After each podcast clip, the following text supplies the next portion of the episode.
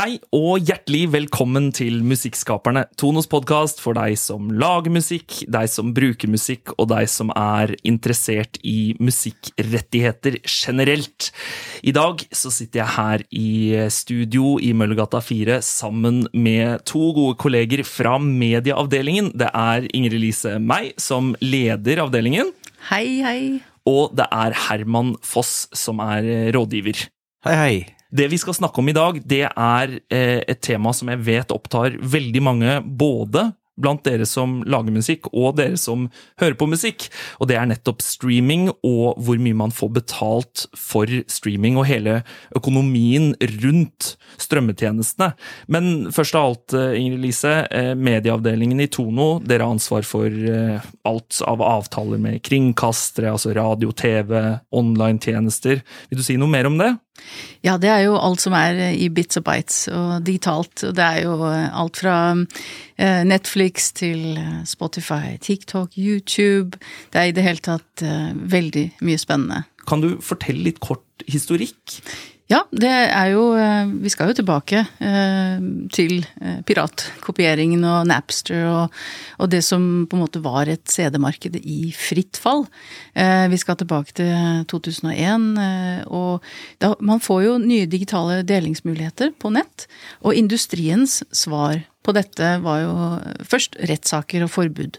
Men så for å vinne kampen om musikklytterne, så måtte man komme opp med en løsning som var bedre. Som man konkurrere mot gratis. Og da kom Apple på banen i 2004 med sin um, nedlastings uh, downloads um, til iPods, hvis noen husker det. Prismessig var det ok, rent sammenlignet med CD-salg, men, men når Spotify kom, så var det jo reddende engel. Eh, mange var skeptiske. Eh, skeptisen har holdt seg ganske friskt eh, i store deler av vår bransje. Men brukerne, de jubler over den fantastiske muligheten det er til å få all musikk på ett sted til en lav pris.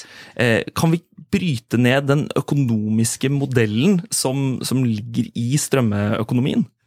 Det kan vi godt, for det er jo en stor pott som skal fordeles. Eh, og i første omgang så, så, vil man jo se på hva eh, sånne tjenester som Spotify eh, De skal jo ha en andel, og de ligger på omtrent 30% av den potten. Og så skal resten fordeles mellom master- og label-eiere og rettighetshavere, som sangskrivere låtskrivere. Og da har du I dag så ser man på en prosent på ca. 55 til, til, labels, og så har du det resterende da ca. 15% til, som skal fordeles mellom låtskriverne.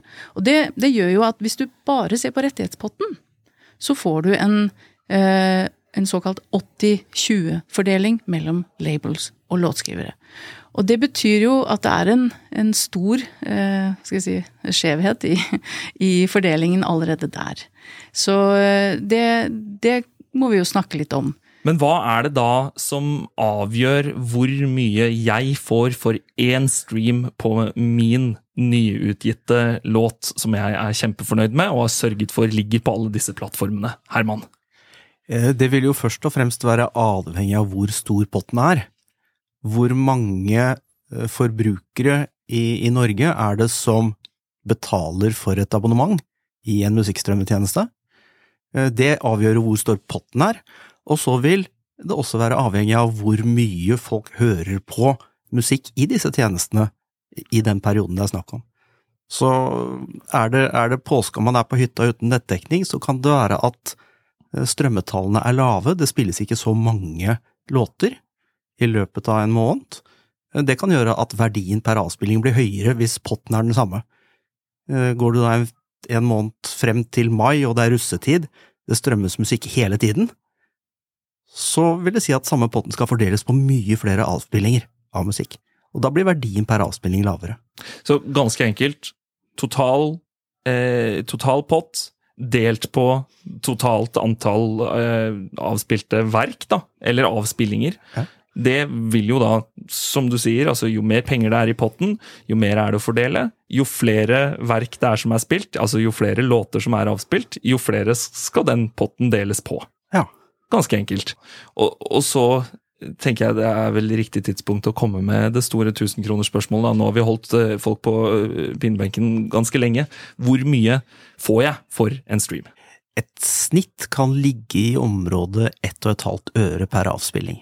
Ja. Da tenker vi på tvers av de forskjellige strømmetjenestene, og på tvers av de forskjellige abonnementsnivåene. For det er jo også sånn at abonnementer koster forskjellige ting. Eh, Du kan ha et premium, standard premium-abonnement, som koster kanskje nå 109 kroner, eller 99 kroner, eller til og med 119 kroner. Eh, Som jo da gir en større pott.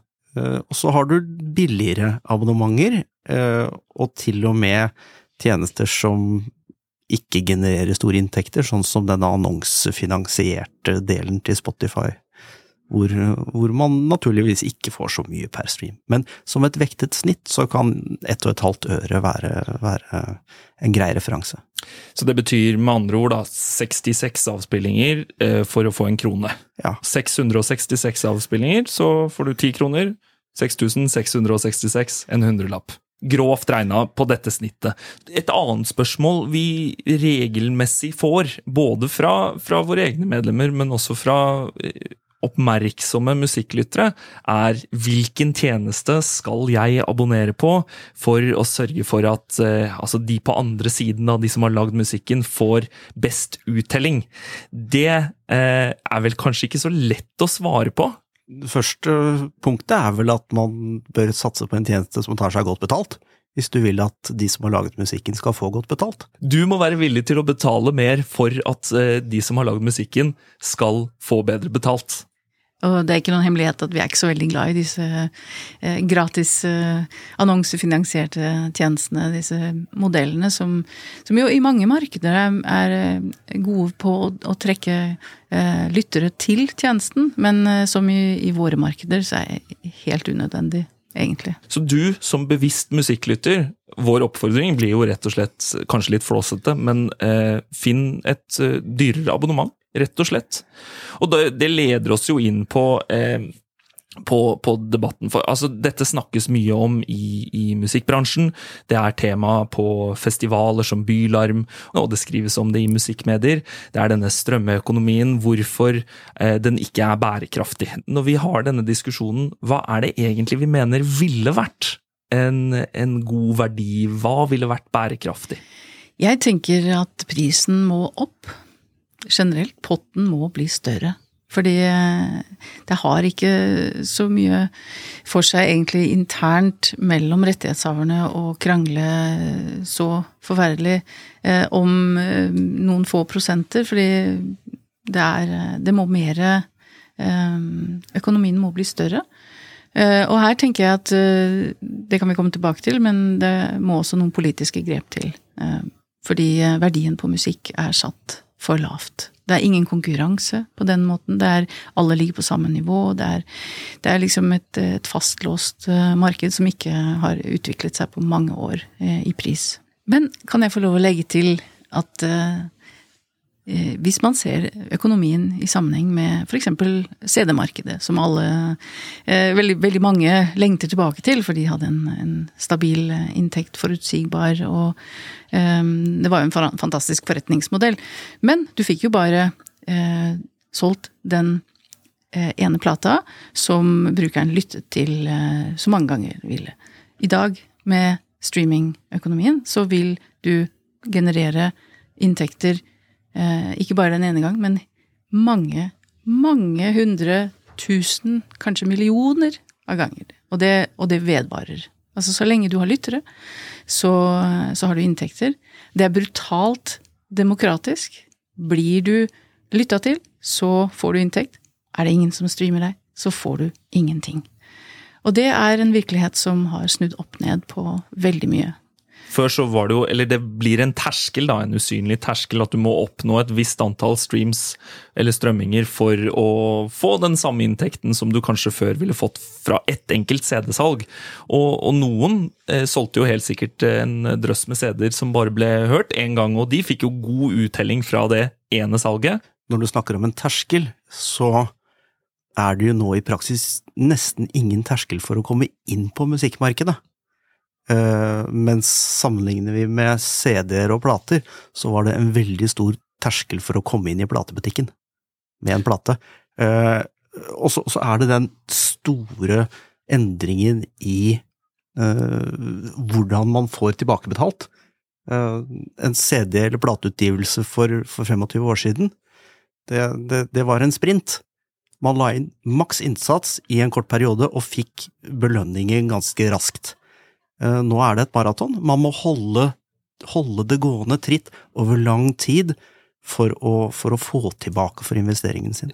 Og når vi snakker om økonomien, hvorvidt den er bærekraftig eller ikke, så eh, er det jo ofte det spørsmålet som vi har vært inne på her. Skal vi omfordele kaka, eller skal vi gjøre kaka større?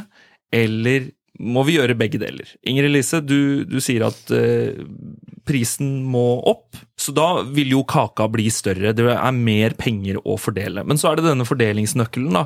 Altså hvordan, eh, hvordan man tilgodeser de ulike partene. Eh, mener Tono noe om dette? Altså, vi mener jo alltid at våre eh, rettighetshavere skal ha bedre eh, betalt. Verdien av musikk er særdeles viktig. Og eh, når vi ser konkurransen fra andre tjenester som, som YouTube og, og, TikTok, og, eh, så skjønner vi jo at eh, der er jo eh, inntektene eh, enda lavere. Og, og, det er jo på en måte en, eh, det er en debatt vi også må, må ha. Så, så, Spotify og, og strømmetjenestene ellers, det er jo tross alt bedre enn eh, en mye annet. Så hvordan vi skal fordele eh, royalty-potten internt eh, Jeg tror ikke det har så mye å ha mye for seg å krangle om de små prosentene mellom rettighetshaverne. Jeg tror at vi må ha en økning av Altså rett og slett øke økonomien. Så dette er ting vi i aller høyeste grad har på agendaen. Det er eh, Altså, det foregår jo ekstremt mye mer i kulissene enn det vi kommuniserer ut. Eh, det er forhandlinger jevnlig med disse tjenestene, og, og vi jobber til enhver tid med å ha så gode avtaler som overhodet mulig. Men på et sånt storpolitisk plan så er Tonos mening er at først og fremst så må prisen opp, sånn at det er mer penger å fordele. Det er i hvert fall et sted å starte. Og så har vi en, en løpende eh, dialog og et samarbeid med våre søsterselskaper, i, eh, særlig i Europa.